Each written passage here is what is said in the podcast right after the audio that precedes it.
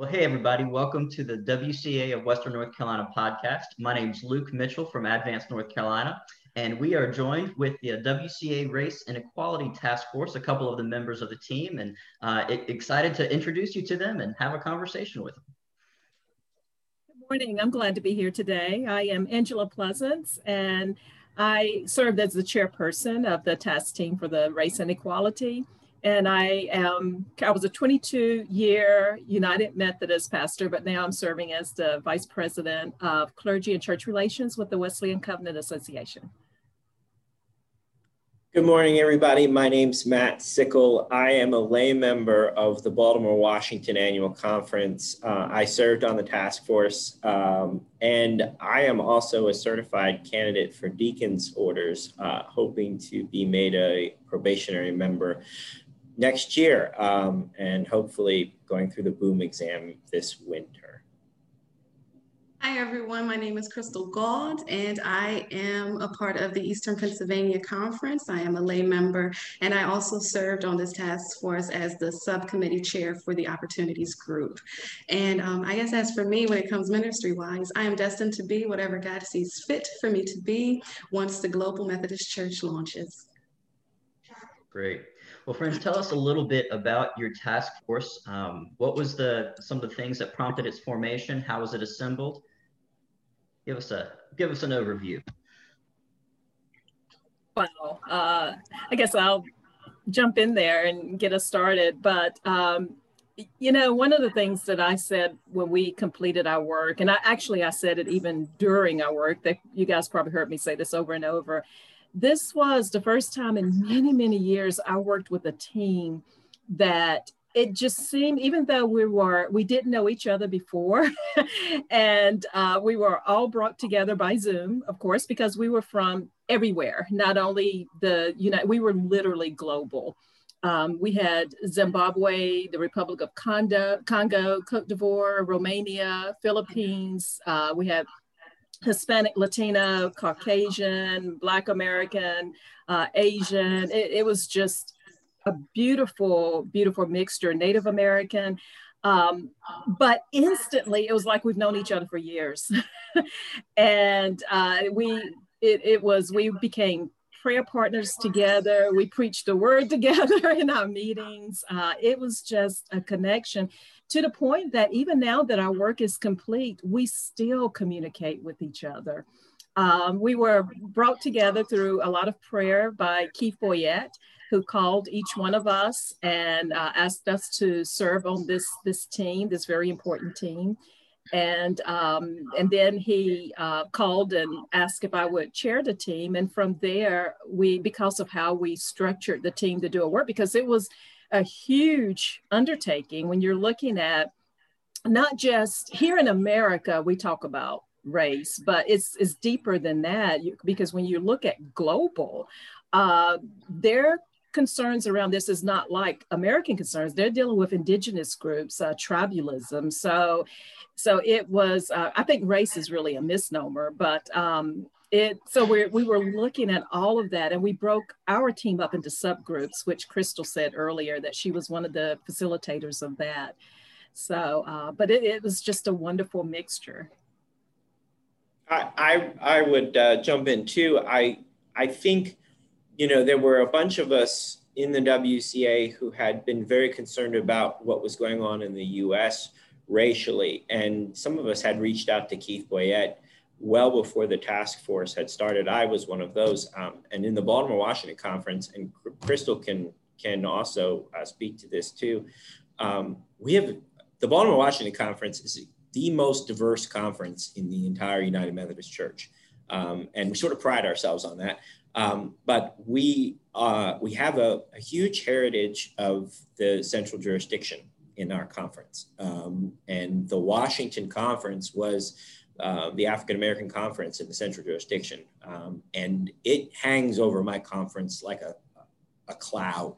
And so when the racial uh, justice issues sort of blew up a few years ago in the US, uh, I reached out to Keith and I said, Keith, we need to be doing something about this. And he said, Well, we haven't decided what to do yet, but I will keep in mind what you're saying. And so um, then when I got the call from him much later to say, hey, would you be on this task force? I thought, hey, this is exactly the kind of work um, that I wanted to be doing. Yeah, you guys wrote in, um, you, you put together a document at the end of your task force work that I think the WCA um, either affirmed or uh, at, their convening, uh, their convening conference or their most recent gathering. Um, and one of the one of the sentences in that document, I wanted to read it. You, you said that your task task force recognized that racial and ethnic equality is a more immense worldwide challenge for a new uh, worldwide Methodist church. And so, you know, as Americans, we we're really good at being self-centered, and we're very familiar with um, the racial animosity in our country and our and the history in our and present in our country. Um, tell us a little bit about how this is a this is an issue more worldwide um, than in America. So, I think that I want to um, start by first saying when we call ourselves self-centered, um, yes, we, we can appear to be that way. However, um, we haven't really had opportunities to look outwardly. And that is one of the things that the um, WCA was hoping that by bringing our group together, we could begin to do. It takes conditioning and it takes, um, you know, you have to grow in compassion for something like this and want to suffer with them. And um, the great thing about our group is that the um, people from outside of the United States, they had a better grasp at doing that, I think, than we did. Um, even if you consider the global conference we attended, only one person talked about the history that was beneath us by being in Alabama. And um, that was someone that was from the Philippines he understood the American struggle with race very well. We don't always know that and take the opportunities to get to know that. And so we just needed to really spend a lot of time in prayer, sitting at one another's feet to say, how does this look and how does this sound? How do we begin to look at this as a world issue? And how do we um, take some, because, you know, people were marching everywhere for George Floyd even in Jamaica, you know, even in the, you know the UK. But when you ask, well, why are you marching? You know, are those tears for America, or were those tears for you know um, what what did that struck strike within within you? And then we started to talk about what's going on in different people's countries, and it all came back to a common thread of sometimes you know misunderstanding or something that was institutional or something where you know we needed to create opportunities where people can turn some of this pain into um, a plan to um, make sure that um, we we make changes that are that are necessary, but also will um, will honor God into the future. Yeah, and I think as we worked, at least I, that section that you were quoting from our document was a, a large section that I had written myself that was later added and edited. But when when you looked at the group that we had in front of us, it was so diverse. I mean, you know, we've listed these countries, and to to boil this down and and only look at an American problem, um, to me seemed disingenuous to the entire issue, um, and especially because we were hearing from people across the world who experience what we would call racism here in the United States, but they don't call it that. They have other names for it, just like Angela said tribalism, um, ethnocentricity, uh, all kinds of different ways of dealing with the problem that people look differently, they have different customs, they have different ideas, different thought processes, and yet it's the same problem. So, what else do we have that is, you know, global? Well, the gospel is global. And so, if we want to look at this, my whole thought was we need to ground this work completely and utterly in the gospel, nothing but the gospel, because the problem is universal and the gospel is universal. Mm-hmm. And I think if you know, you were talking about being self-centered. I think in many respects, our conversation about race in the United States has been self-centered because all we keep doing is rehearsing the same discussion that's been on the books for uh, honestly 100 years or more.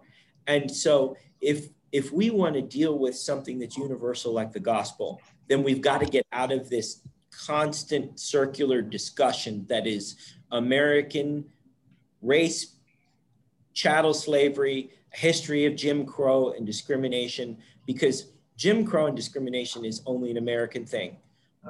But those titles could be used anywhere for the same problem happening in Africa, happening in the Philippines, happening in Russia, anywhere. I mean, and so that's what I re- we really wanted to broaden that discussion because we had such a broad group of people. If we're going to uh, to piggyback off of what Matt just shared, if we're going to make any type of, of headway, we can't keep doing what we've always done. I cannot begin to tell you how many times I've sat in race reconciliation workshops. And, and I heard the same thing over and over and over, yet we keep getting the same thing. So at some point, when are we going to stop and ask ourselves, why do we keep getting the same thing? Well, when you when you think about race reconciliation and i love that that matt has brought us back around to the bib, the, the biblical portion because our whole task team that's what we looked at it, it's that is our firm foundation i think particularly in our country but i think that we're so quick to want to uh, deal with the system that we forget about and, and liberating people from the system that we forget about the one who can liberate us from sin. And and and if we trace all of this back what we what you whatever you want to call it racism tribalism indigenous whatever title you want to give there underlining all of that is the root issue of pride which goes back to the root issue of sin mm-hmm. and that's what we have to to look at and address and you mentioned the history in our country. Let's go back even before the Jim Crow laws. How did we even come up with this term race? Because biblically, uh, a scripture I'm thinking of now is in uh, Psalm 33, verse 13, when it said God looked on the world uh, and he saw humans. Um, th- where did we get that term race? That's why I said it's a misnomer.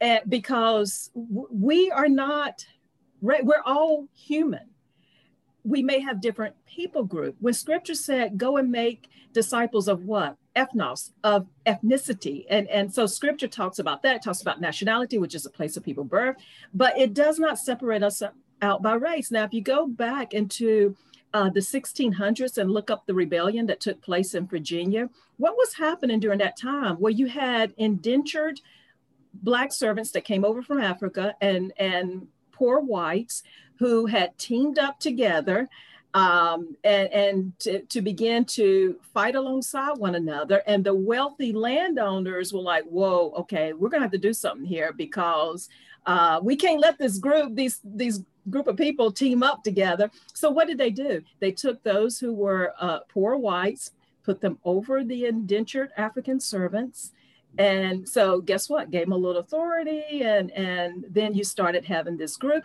But even let's go back even before that. Let's go back to the 1400s Gomes Zurara in portugal. What did he do? He wrote a letter because they, they were trying to figure out how do we get involved with the slave trade here? And and mind you the slaves were not only those from africa but also some europeans some arabs. They were enslaved as well so Gomes Zurara writes a letter and starts differentiating and, and using the term that that race and saying, well, the Africans, you know, let's let's put this upon them. So we started separating people out by skin hue, by hair texture, by no. We did that. That's not biblical. That's something we did. And we still hold on to that today and say race of people, but we're all human. We're of different people groups. And it takes educating our people about that. The scripture talks about you're either Gentile or Jew. and the reconciliation took place at the cross through Jesus Christ. Uh, that's why I struggle with race reconciliation. Jesus has done the work. So, what do we do to continue to move forward as one in Christ? yeah, the, the rest of your document, or at least much of the, the, the document from there on, um, dives into some examples and suggestions of ways that we can begin reconciliation. And one of them uh, in the next section, uh, one, of the, one of your pieces of advice um, was that church leaders and districts should um, strive to educate the laity about authority they have to structure themselves to attract ethnic groups in their communities. So, what are um, what are some examples of structures uh, like worship times, or maybe that would fit the rhythms of different ethnic groups in our communities? Uh, that immediately comes to mind um, my experience when I was at the University of Maryland. I was at University of United Methodist Church, and there was a Korean church that used our building um, on Sundays after University Church had finished. And you walk into that Korean worship service and experience something totally different than I had experienced earlier in the day at University Church. And their worship service went well beyond an hour. Uh, it looked different than what had happened at universities. And then after the worship service was over, they had a long meal together. I mean, a really long meal. And it was community. Everybody brought food together and they sat in the fellowship hall together for probably two more hours yet after that. In their context and in their world, that's what Sunday afternoons look like. Um, and so, okay, wait a minute. If, if I want to be able to create an opportunity to have integration of what Korean churches do and say what University United Methodist Church did, uh, then you would need to think about how university could make that a, a part of what it did on Sunday. Do we get together and have a two hour meal after? Well, that that doesn't work quite in our context, but maybe it could. Maybe that kind of introduction is all that's necessary. When I saw what the Korean church was doing, it was exciting to me. Now, I didn't speak a word of Korean, and they're, you know, they spoke solely Korean in their context. So that kind of thing would need to be cared for as well. But to me, it was an example of here's an opportunity. How do we create worship time, space, you know, t- to make that a part of, of our experience as well? And that's just one example. Yeah. And I, I, think you can hear the passion of in Angela and Matt to see that um, not everything is always translated into um, into the text. And um, most of the things that we were offering that's a um, especially through matt's description that's a lifestyle change of the church. And are you willing to you know change everything um, within you um, just to actually fit this new dynamic that is or so, a dynamic that's already been always been there but been ignored? And so um, it would take a lot of thought take a lot of conversation. It's not just something that you would check off or even even even be able to check off easily and so um, everything there's there's there's much more um, hopefulness that comes through the t- and I'm pretty sure as you write it you, you could see it you could catch you know some of the spirit in the in the vision. But yeah these aren't checklist suggestions or strategies. This is really a whole culture change lifestyle change and, and possibly denomination change. Yeah I think that's exactly correct Crystal. I, and I think that that also was driving our work in this task force. We aren't interested in checking boxes we're interested in human soul shifting. I mean, and that isn't that what the gospel is about? Isn't that what we're we're called to? We're not called to sit here and check off a list. The Pharisees did that really well, didn't they? They checked off a bunch of stuff. Well, I did this today and I did that today and I washed my hands before I ate and then I washed my. That's not what this is about. And and I think, you know, for years it was important that the American church did that because there were people being excluded. And the only way to undo that was to force people's hands. But I think we're in a new world, in a new realm where people can be excited about what they're seeing and then say, well, how do I get a piece of that? And what, what's it going to take for my community to shift in a direction and that's about exactly what Crystal said. That's lifestyle change, that's heart change, that's shifting my viewpoint from checking boxes to learning and loving people. I was talking to a pastor um, about a year ago, and they his, church is in a in a uh, zip code that is about um, 50 to 60 percent Caucasian, um, and then the other um, 50 to 40 percent um, is, is, a pretty diverse mix. And one, they, they had a church consultant because they were adding more staff to the church, and they wanted their their staffing to reflect their community. And he was he mentioned that they had a coaching about how to write job descriptions so that it would be um, more appealing to different ethnicities. And I wish I knew exactly what that was because it sounds so fascinating. Um, ha- have you guys ever had any experience with something like that? Uh, yeah, actually, here at, at my office, I'm a civil engineer by day, um, yeah. and here at KCI, I'm on the uh, the ethnic and diversity task team here at my office, and we've been in discussions about how do you uh, diversify your workforce and write job postings and job descriptions in such a way that that happens. And I think back to this box checking thing, I think the key with that is okay, what's your motivation? Is your motivation to simply make your diverse your, your workforce more diverse for, for diversity's sake? Or is it exactly what you were describing? Here's a church sitting in an area that is only 50 to 60% Caucasian. So, how do we reflect the real world that's around us? And okay, that motivation is important because there you see a community that's interested in its missional context. Okay, how do I do ministry in a world where the people around me look like and act like and are like X? Okay, talk to them have people in from the community see what drives i think that was the neatest thing of this task force at least for me was hearing from all of these people all over the world that look and act and think completely differently than i do but we were united on one thing and that was jesus christ. And how do we change the world for jesus christ? And so you know i th- i think it's about motivation. And again we're back to heart change right? I mean, isn't that what the gospel's about? What is my motivation? Is it the gospel of Jesus Christ? Is it making my church reflect the beauty and the power of the gospel, or am I just about checking boxes?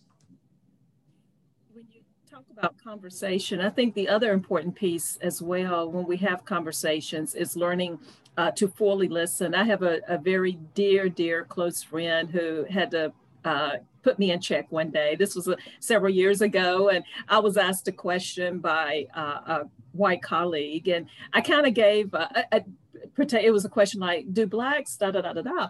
So I kind of gave a little snarky remark, and and my close and dear. This is when you know they're a true friend; they can correct you, and you know, and everything's great. And she said, "Now see." He was brave enough to ask that question you should have been brave enough to listen and respond without being snarky. And I was like, oh my goodness, this is why we are not able to talk and people are afraid. Um, but now I'm, I'm more uh, excited when when somebody asks me a question. Like the question was very simple. It says, "Do black people tan?" I'm like, "Skin to skin, really?" I mean, you know, and I kind of poo-poo the person's remark, and um, so she corrected me on that.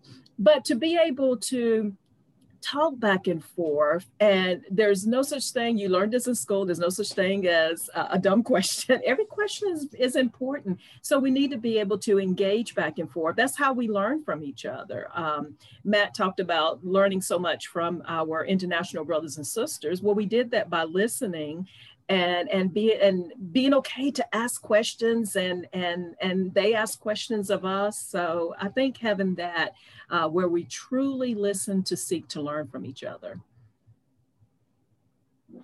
One of the one of the next portions of your document uh, said that we should seek diversity as a body but not diversity over expertise qualifications giftedness and commitment. And this line might get a little bit of pushback in some circles. Diversity is a goal of the gospel of Christ, but not an idol above him.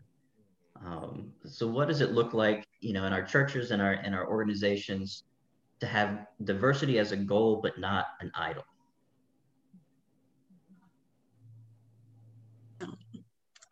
I don't think we really even treat our idols well. So,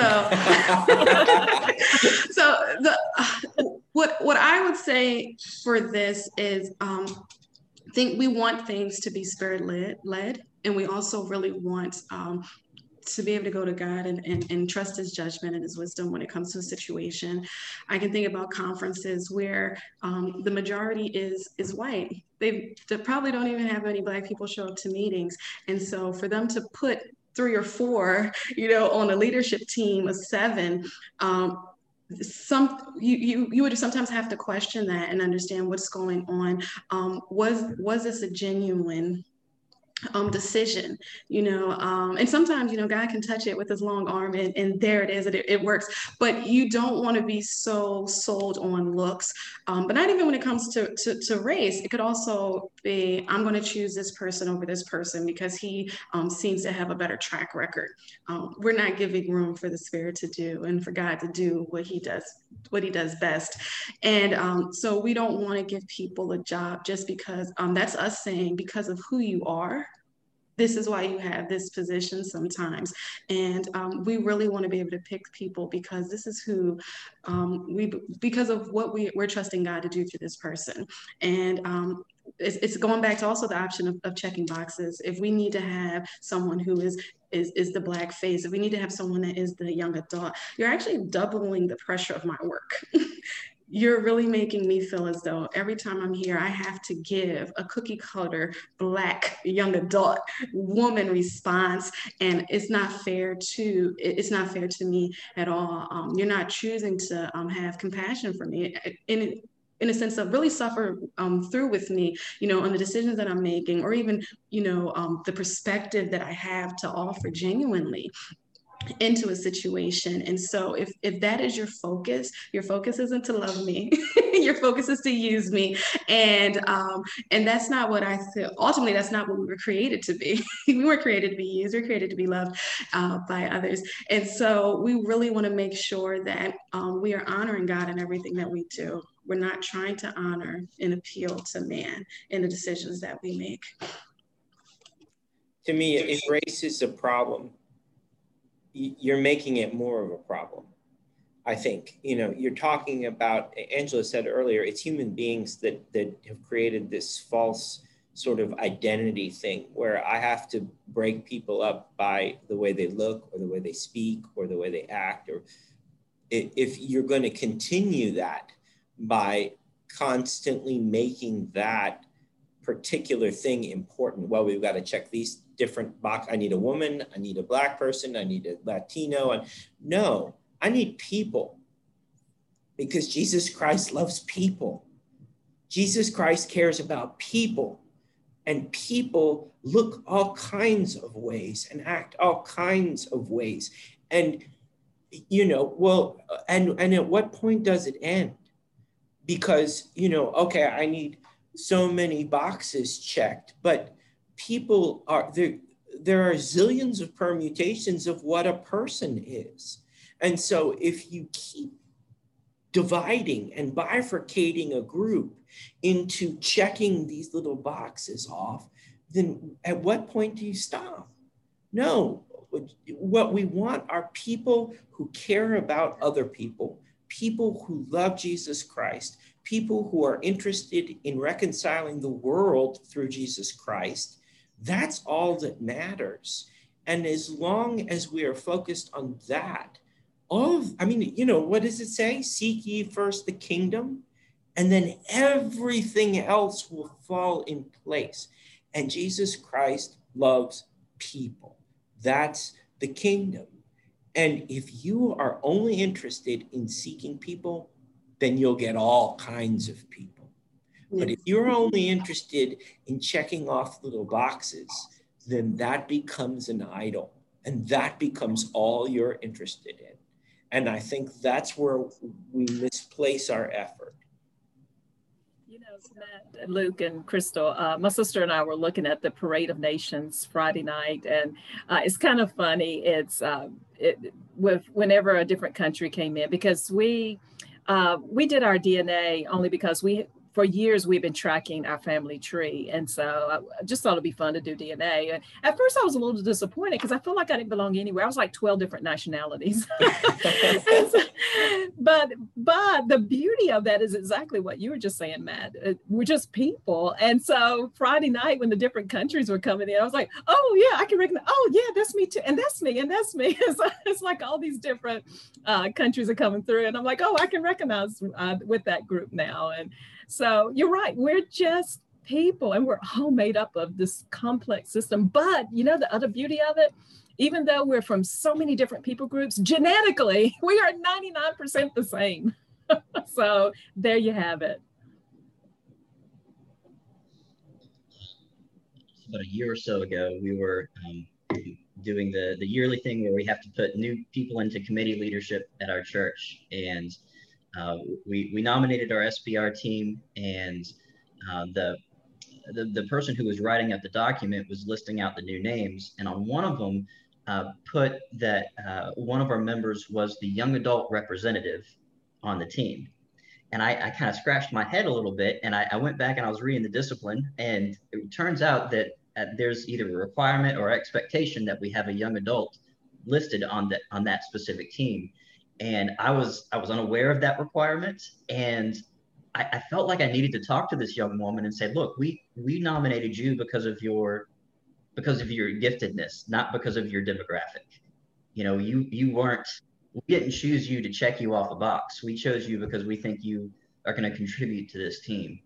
Um, and uh, that that kind of gave me a uh, an awareness into um, I don't want to just be someone who's out. On, I don't want to be on a team because I'm the young adult. You know, I don't want to just be a, a box that's being checked off.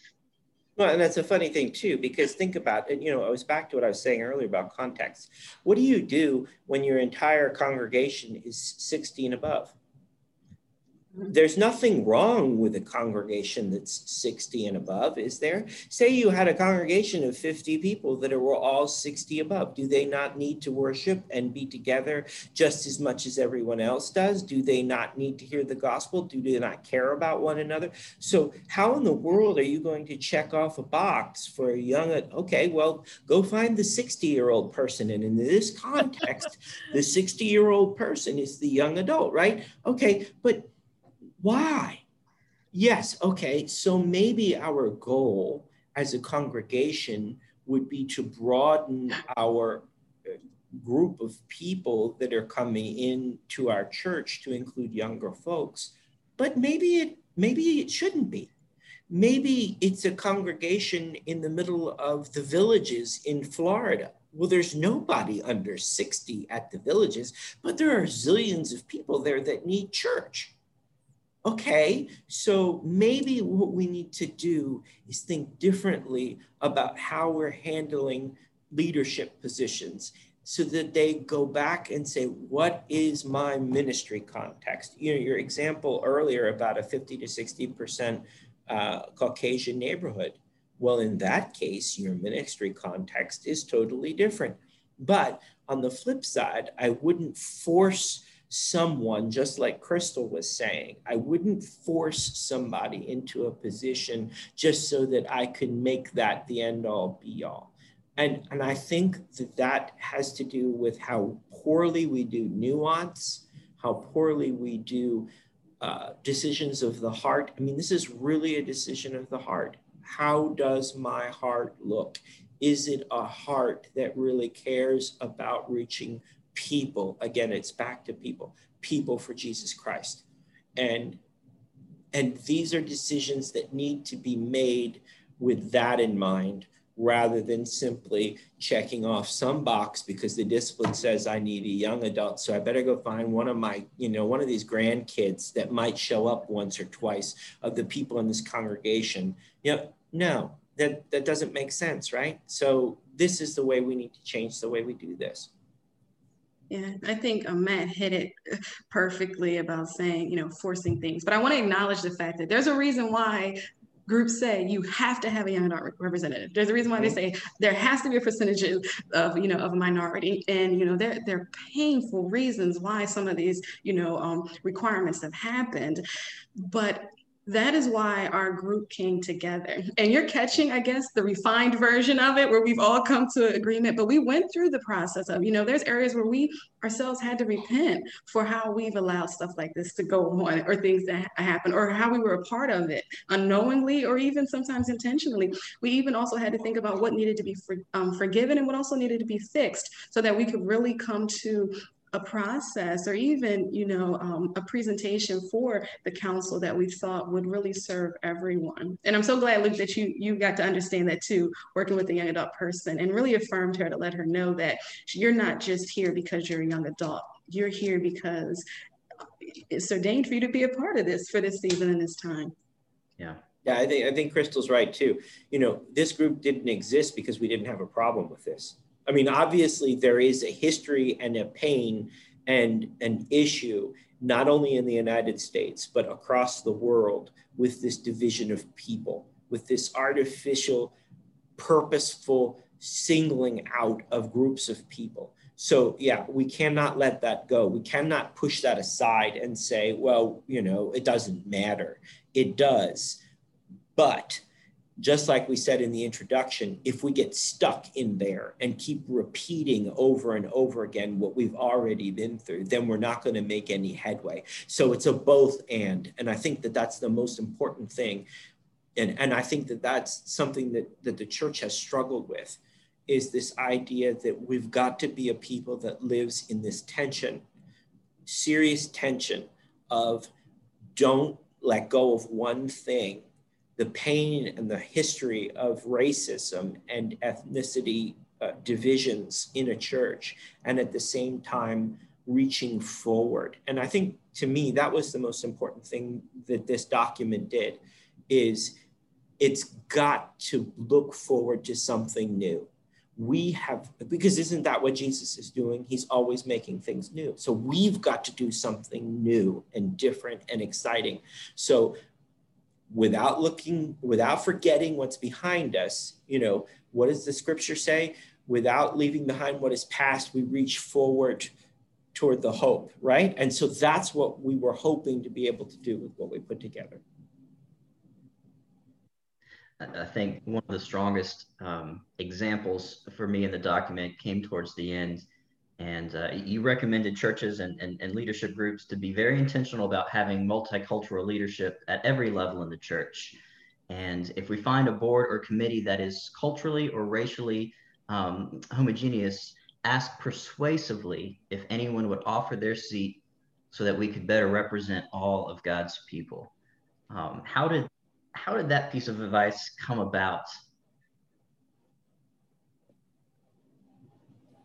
I'm putting it on Angela. I think it was uh, just a consensus all the way around from from each of us, uh, basically from what we have been seeing throughout history. You know, as you were just reading that, my mind went to something that I had worked on for the Western North Carolina Conference. We had a Black Symposium a couple of years ago, and so I went into our archives and started doing some research. When Matt, you mentioned a central jurisdiction, it was during that time when uh, the central jurisdiction folded over into what became the United Methodist Church. So I started reading minutes that are in pub. I mean, anybody can go and pull this out of our archives in our conference, and I'm sure your conferences uh, have some similar information. But I was reading the minutes from the cabinet at that time, and they took a vote do we bring on a black district superintendent onto the cabinet from the central jurisdiction? Well, uh, there were a few that voted yes, but the majority voted no. Uh, they ended up bringing one on anyway. I'm not sure of all because I didn't see that in the minutes what transpired for that to happen. But the other thing I noticed in the minutes, it was said that we would never have a black assistant to the bishop. And and and and in our conference to this day, we, we haven't had one. Um, but I was looking at all, and when you were talking, my mind just went back to that because now, it, it, in in the context of where we are today, with everything that is happening across our country, around the world, um, why are we not asking that question today? Um, why is it that some conferences have never had a black assistant to the bishop or you know and fill in the blank however you wish. And so what is it within us that why can't we say um, you know what? Let me step up. And and it's not in contradiction to what we just said earlier that we don't want to check off a box and and we don't want to just put someone in just to, to fill a quota. But at the same time we have so much richness of gifts that that people of different people groups can bring. So, what would it look like for me to say if I look at this? Um, Luke and I are in the same conference, and we recently had a meeting of our conference, uh, WCA. And um, the person who led our meeting when she had like she first she said um, certain age groups go to one side and luke and one other person were the only ones over here with the young adults. Everybody else who were certain age and up we were all on the other side of the room. Then she broke us up by large church small et cetera et cetera. But and keith was at that meeting keith boyette and one thing that he brought out was i think there were only two ethnic minorities out of, out of the whole committee. That was me and a, another layperson. And it was also uh, predominantly male. So these are and Keith brought that up also from he said who is it that we need to invite to the table that maybe someone here can say you know what let me just step aside to bring that person in? Yeah and i think that's important. I think that's the key to this is if i walk into a group and i say wait a minute i know there should be some other people here and um, i i don't need to be here I don't need to add to this. Other people could add different things than I do. So, and that's a humility that I think that it's Christ-like to step aside and say, you don't need my voice. I see that there are multiple people here with my voice already. Let me suggest someone who might work better, who might be of help here. And I think that's that's a question that we all need to ask ourselves um, who do I know? Who in my circle of friends could I say would, would be a voice that needs to be here instead of my own?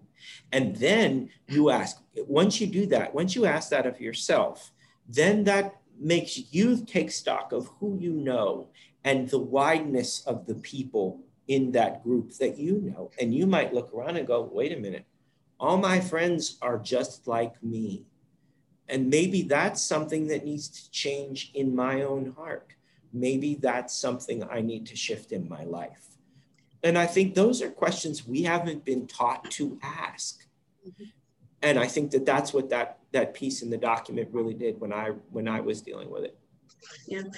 I wanted I wanted to follow up and say, and I think we're all on the same page because Matt, you were you're absolutely right. I think that that piece for me, mostly for my um, subcommittee, was about asking the right questions. This isn't a matter of due diligence. It's about our vigilance. Are we actually paying attention to what's happening? And is someone willing to ask a bold question? When we were doing our work and we are talking about opportunities, we were thinking about the cost. What will happen if we truly decide we want to be a global church that takes into consideration every people group? This is going to sometimes mean the people that are always at the top, always at the, you know, at um, at the front. They might have to say, "Let me make room where I am." for you and for many more. And so um, I think that this came out so um, I want to say fantastically, but yeah, I don't have a more professional, more refined word for it. But I think that this is a fantastic representation of my group's heart cry it's going to cost? Are people willing? And do they even have the capacity to make those cuts if if, if it ever came down to it? Mm-hmm. It, it, reminded me of uh, the passage in Acts where the, the Gentile widows were not being um, receiving enough food, and the disciples appointed seven people. Stephen's the one we remember um, because he was the martyr, but I believe all seven were Gentiles. Yes. Right? And so there was a problem, and the disciples appointed seven leaders for it. Um, but the disciples didn't stop leading.